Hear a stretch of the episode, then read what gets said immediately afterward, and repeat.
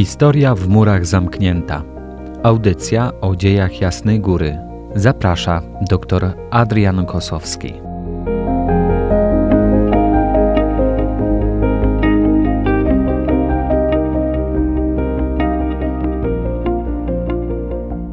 Szczęść Boże. Witam wszystkich w dzisiejszym odcinku audycji Historia w murach zamknięta. Będę kontynuował dalsze losy sanktuarium jasnogórskiego w odrodzonej Polsce. Tydzień temu e, skończyłem na zagrożeniu e, dopiero co odbudowującego się państwa polskiego wobec inwazji Armii Czerwonej i podejścia latem 1920 roku pod Warszawę. W tym trudnym okresie sprawdziła się skuteczność autorytetu Jasnej Góry wobec dziejowego wezwania E, biskupi zebrani tutaj e, w Częstochowie na konferencji plenarnej Episkopatu Polski 27 lipca 1920 roku pod e, przewodnictwem dwóch kardynałów Edwarda Dalbora i Aleksandra Kakowskiego ponownie obrali Maryję Królową Polski. Biskupi w imieniu własnym i wszystkich wiernych synów Polski składali hołd i pokłon Najświętszej Maryi Pannie, obierając ją na nowo na swoją i królową i panią i uciekając się e, pod jej e, przemożną obronę. Wzywali e, do ufności w opiekę królowej Polski i do zaangażowania w obronę zagrożonego państwa wzajemnie uzupełniające się wezwania Episkopatu Polski, y, właśnie Paulinów i innych y, autorytetów zaczęły wkrótce przynosić efekt. Coraz więcej chętnych zgłaszało się do armii ochotniczej generała Halera.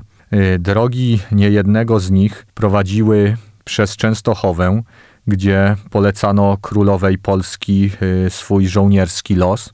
Na częstochowskim wzgórzu modlitewne napięcie y, osiągnęło takie największe natężenie pod względem liczby wiernych 7 sierpnia 1920 roku. Także nabożeństwo y, nowenny błagalno-pokutnej w tym dniu trzeba było przenieść z bazyliki na plac pod szczytem. Tysiące ludzi leżało krzyżem na wielkim placu, błagając Matkę Bożą Królową Polski o y, wstawiennictwo i ratunek dla ojczyzny.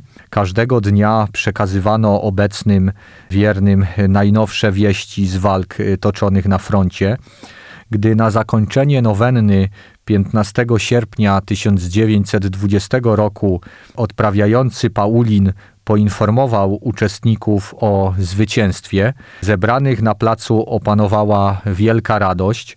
Y, uczestnicy nabożeństwa płakali ze szczęścia i y, wzajemnie się ściskali.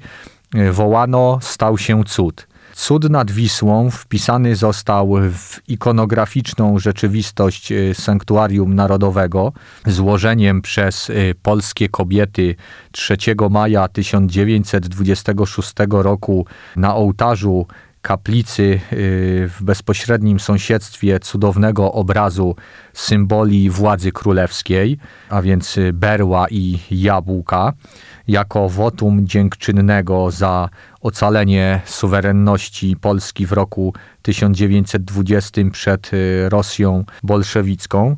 Y, na złotym trzonie berła umieszczono napis, y, który mówił, że kobiety polskie złożyły matce królowej korony polskiej berło jako symbol władzy z wezwaniem, aby nimi rządziła a trzy cnoty ewangeliczne, a więc wiara, nadzieja i miłość, żeby prowadziły jej naród y, do chwały. Napis y, kończyło takie zdanie: Dziękczynne wotum kobiet polskich za cud nad Wisłą w dniu 15 sierpnia 1920 roku. Natomiast na otoce jabłka był napis, e, który e, tutaj wzywał królową korony polskiej, aby strzegła ona swego królestwa. Zwycięstwo nad bolszewikami w 1920 roku stało się symbolem współczesnej opieki Maryi nad narodem. praktycznie w każdym kazaniu, przemówieniu na temat królowania Maryi był on przywoływany. Przede wszystkim, zwłaszcza jednak tutaj w uroczystość Królowej Polski 3 maja. Uroczystość ta również wywodzi się tutaj z okresu II Rzeczypospolitej. Od 1908 roku uroczystość Królowej Polski była świętem ustanowionym jedynie dla diecezji lwowskiej. Dopiero w roku 1918, a więc już po odzyskaniu przez Polskę niepodległości, polscy biskupi zwrócili się do stolicy apostolskiej z prośbą o rozszerzenia święta Królowej Polski na cały kraj papież Benedykt XV e, zatwierdził święto dla Kościoła w Polsce w 1920 roku. Na prośbę kardynała Edwarda Dalbora, już kolejny papież Pius XI, w roku 1923 zatwierdził święto Królowej Polski e, z wyznaczeniem dnia obchodu uroczystości na 3 maja celem połączenia święta kościelnego y, z państwowym. Polscy duchowni dążyli do połączenia święta Królowej Polski ze świętem narodowym Konstytucji 3 maja, ponieważ y, w ślubach lwowskich król Jan Kazimierz, jak pamiętamy, obrał Maryję królową Polski, ale także zobowiązał się uroczyście wziąć y, pod opiekę lud polski i zaprowadzić sprawiedliwość.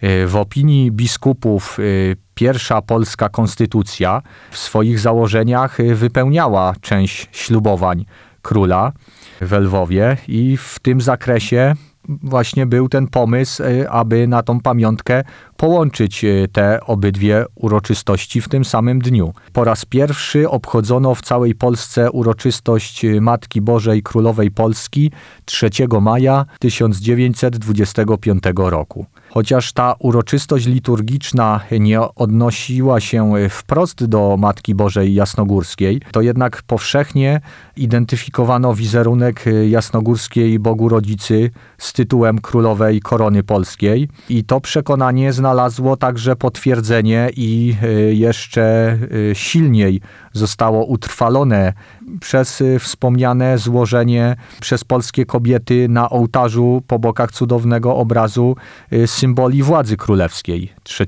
maja 1926 roku.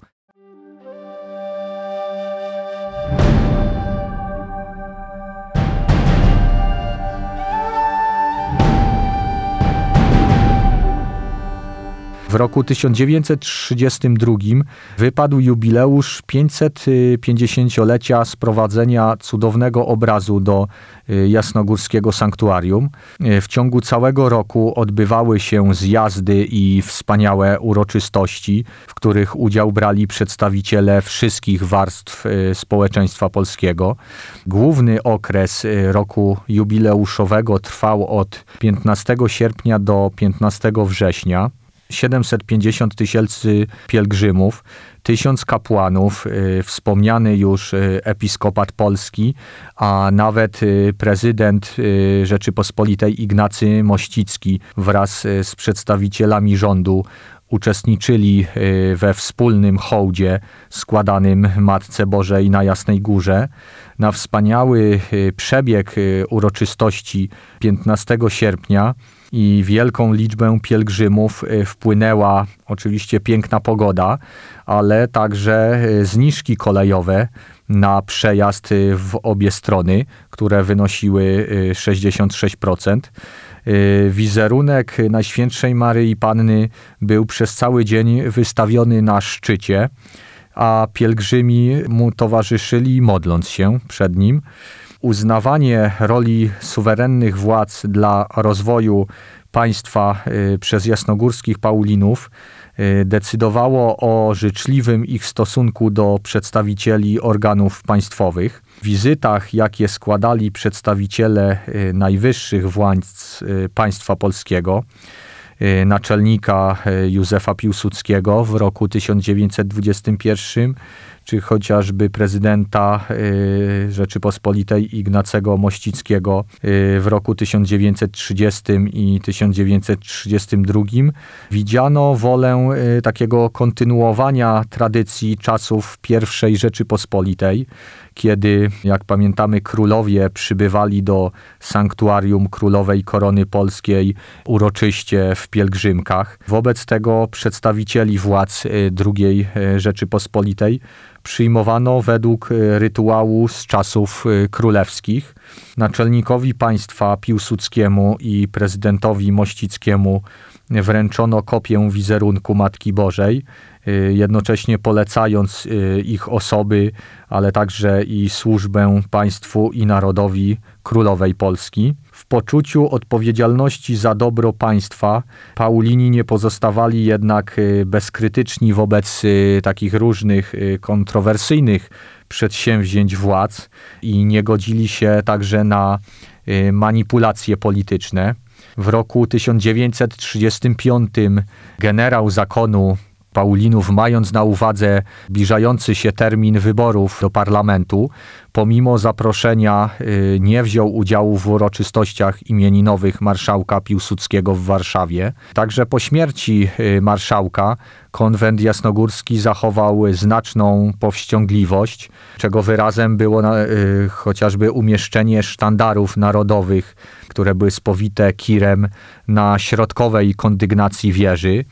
Wywołało to y, protesty wśród y, ugrupowań y, piłsudczykowskich, które domagały się wyniesienia ich na tą najwyższą kondygnację. Przyjmowanie najwyższych władz państwowych z należytymi honorami budowało ich autorytet sprzyjało kształtowaniu postaw y, obywatelskich i patriotycznych uczestników tych uroczystości, ale także i społeczeństwa polskiego, do którego y, informacje o tych y, wydarzeniach docierały na przykład z, za pośrednictwem prasy. Paulini częstochowscy z dużym entuzjazmem przyjmowali żołnierzy Wojska Polskiego. E, dla większości narodu polskiego e, wojsko stanowiło w tym okresie taki symbol tradycji walk o niepodległość i wyraz e, niezależnego bytu państwowego. Rok 1936 miał także historyczne znaczenie dla częstochowskiego sanktuarium, jak i całej Polski. W roku tym, który charakteryzował się takim powszechnym niepokojem, gdyż całej Europie groziła rewolucja. W dniu 24 maja prawie 20-tysięczna rzesza młodzieży akademickiej e, ze wszystkich e, ośrodków uniwersyteckich w kraju złożyła uroczyste ślubowanie budowania z Maryją e, Nowej Polski. Uroczystości tej przewodniczył ksiądz kardynał August Chlont, prymas Polski, a złote wotum do dnia dzisiejszego stanowi ozdobę skarbca jasnogórskiego akademickie ślubowania, które były powtarzane przez y, wszystkie rozgłośnie radiowe w Polsce, odbiły się również y, takim szerokim echem za granicą, przede wszystkim y, wśród również Polonii amerykańskiej.